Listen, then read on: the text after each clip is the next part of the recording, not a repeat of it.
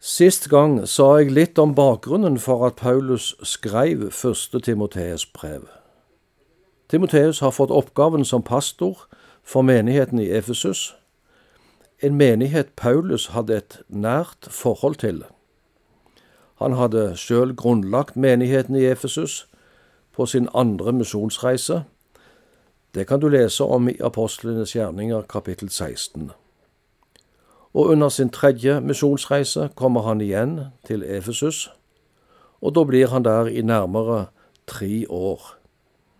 Det kan du lese videre om i kapittel 18 og 19 i apostlenes gjerninger. Paulus han møtte òg seinere de eldste i Efesus, i havnebyen Milet. Da er han på vei tilbake til Jerusalem, men der ved stranda i Milet får vi et gripende møte eh, mellom Paulus og menighetens eldste, og det blir en tårevåt avskjed. Det står det mer om i apostelgjerningene kapittel 20. Så blir Paulus ført til Roma som fange, og havner i fengsel. Og fra sitt første fangenskap i Roma skrev han så brevet til menigheten i Efesus. Efeserbrevet. Paulus kjente altså forholdene i denne menigheten svært godt, og nå har han plassert Timoteus der, av en ganske bestemt grunn. Det har tydeligvis oppstått problemer i menigheten. Det er visse folk som farer med fremmed lære. Mot disse skal Timoteus formane.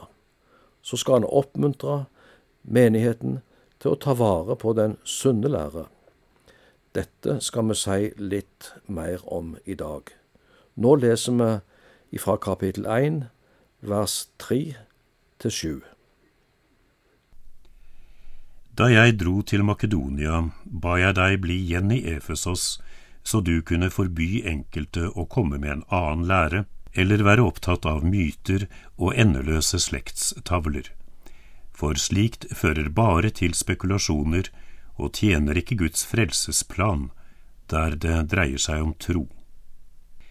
Men målet for ditt oppdrag er kjærlighet av et rent hjerte, av en god samvittighet og av en oppriktig tro. Noen har forvillet seg bort fra dette og har havnet i tomt snakk. De vil være lovlærere, men forstår verken det de selv sier, eller det de uttaler seg så selvsikkert om. Det gis eh, bare visse antydninger om eh, hva denne vranglæren gikk ut på i Efesus. Og det er ikke nødvendig for oss her å gå i detalj eller spekulere så mye over det. Det gis bare noen stikkord hva det dreier seg om.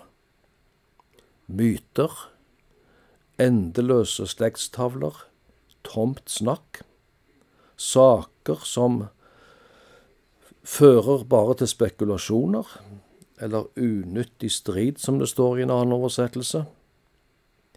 Denne lære skulle Timoteus forby, står det i vers 3.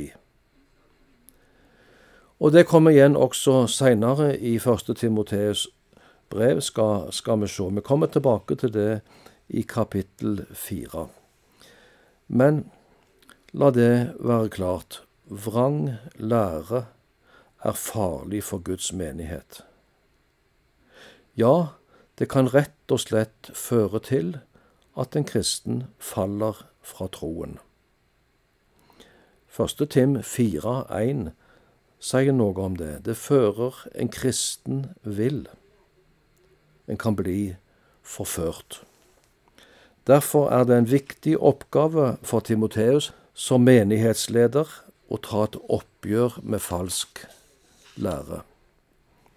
Det er viktig i dag òg, både når det gjelder trossannhetene som går på f.eks. hvem Jesus er, om hans frelsesgjerning, om åndens gjerning og andre trosspørsmål.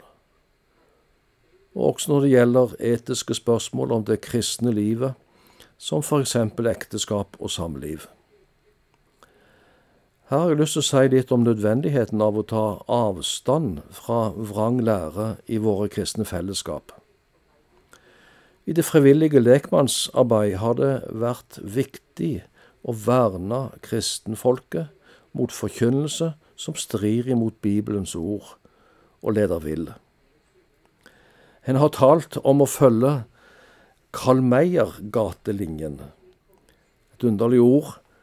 Med det tenkte en på et møte i Oslo, i Karl Meyer-gatens uh, misjonshus, i 1920, altså over 100 år siden. Der nærmere 1000 kristenledere var samla til et møte, hvor en talte sammen om hvordan vi skal forholde oss til det som en da kalte for liberal teologi. Og de kom fram til følgende konklusjon i et vedtak som lyder slik Innen det frivillige lekmannsarbeid vil vi våke over at det kun velges tillitsmenn og arbeidere som uforbeholdent stiller seg på Skriftens grunn etter vår kirkes bekjennelse. Innen Kirken går vi ikke inn i frivillig samarbeid med dem som har brutt med Bibelens autoritet. Dette kan fort bli stempla som ukjærlig og som dømmesyke, men det motsatte var intensjonen, nemlig omsorg for den troende menighet, og omsorg for den sunne lære. Kristenfolket må få klar og sann veiledning, slik at de ikke ledes vill, og i verste fall mister troen. Ja, så skal vi advare mot død rettroenhet, altså lære uten liv. Og vi skal advare mot svermeri, som lett kan bli liv uten lære. Og vi skal advare mot fremmed lære, som fører vill. Paulus han taler i fortsettelsen om den sunne lære, og det syns jeg er et fint uttrykk. Sunnhet, det handler om et godt, næringsrikt og allsidig kosthold.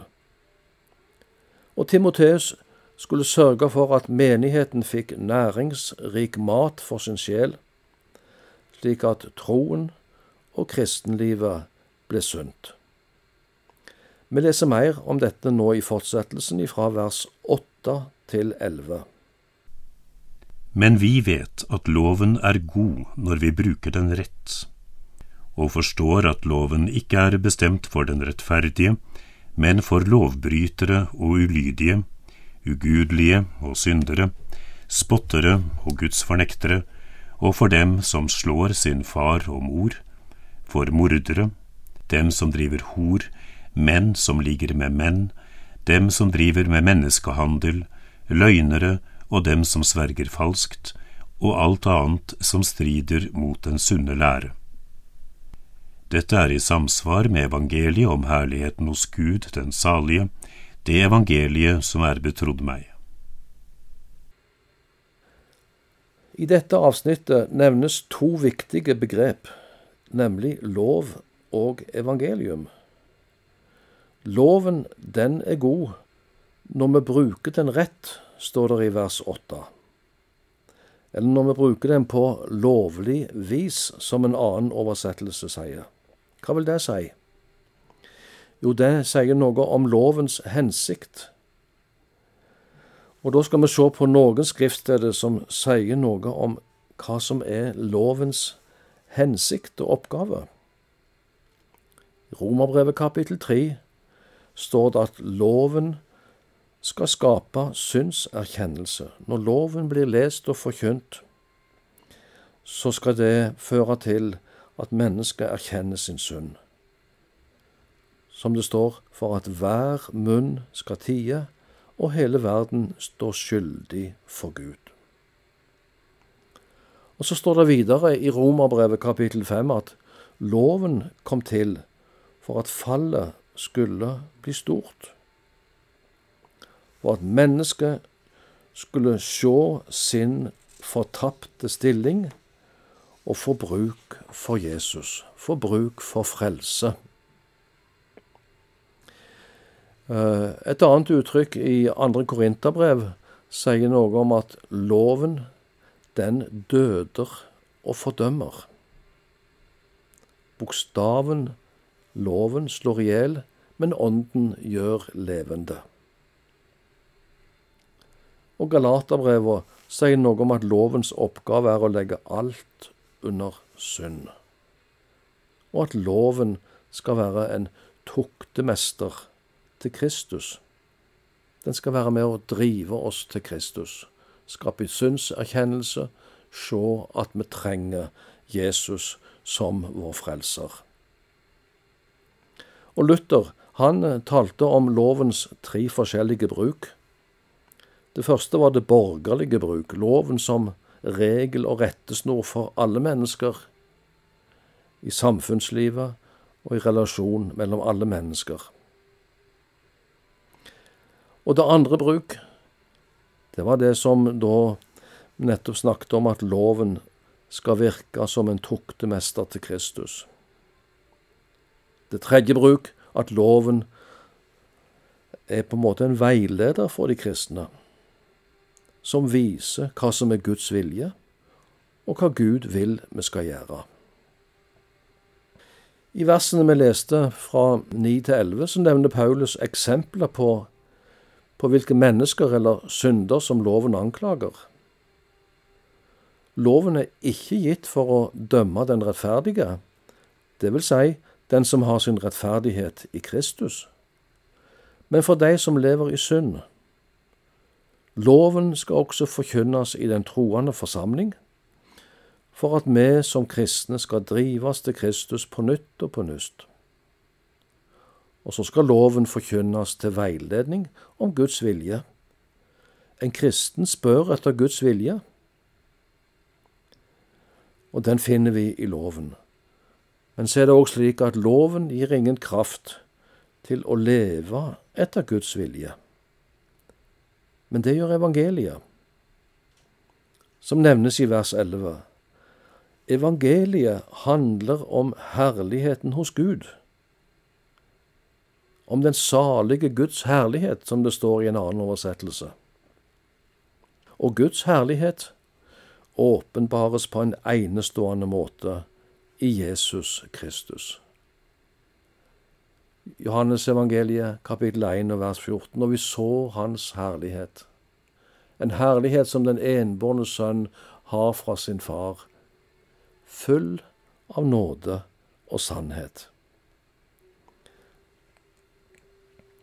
Evangeliet er det glade budskap om Jesus og hva Han har gjort til vår frelse. Evangeliet er Guds kraft til frelse, står det i Romerbrevet kapittel 1. Og evangeliet skal forkynnes klart og betingelsesløst. Dette budskapet skal Timoteus forkynne og forkynnelse av lov og evangelium skal også lyde i dag i våre fellesskap og forsamlinger. Da stanser vi her for uh, i dag, uh, og så skal vi fortsette å lese ifra kapittel 1 uh, eh, neste gang. Gud velsigne deg.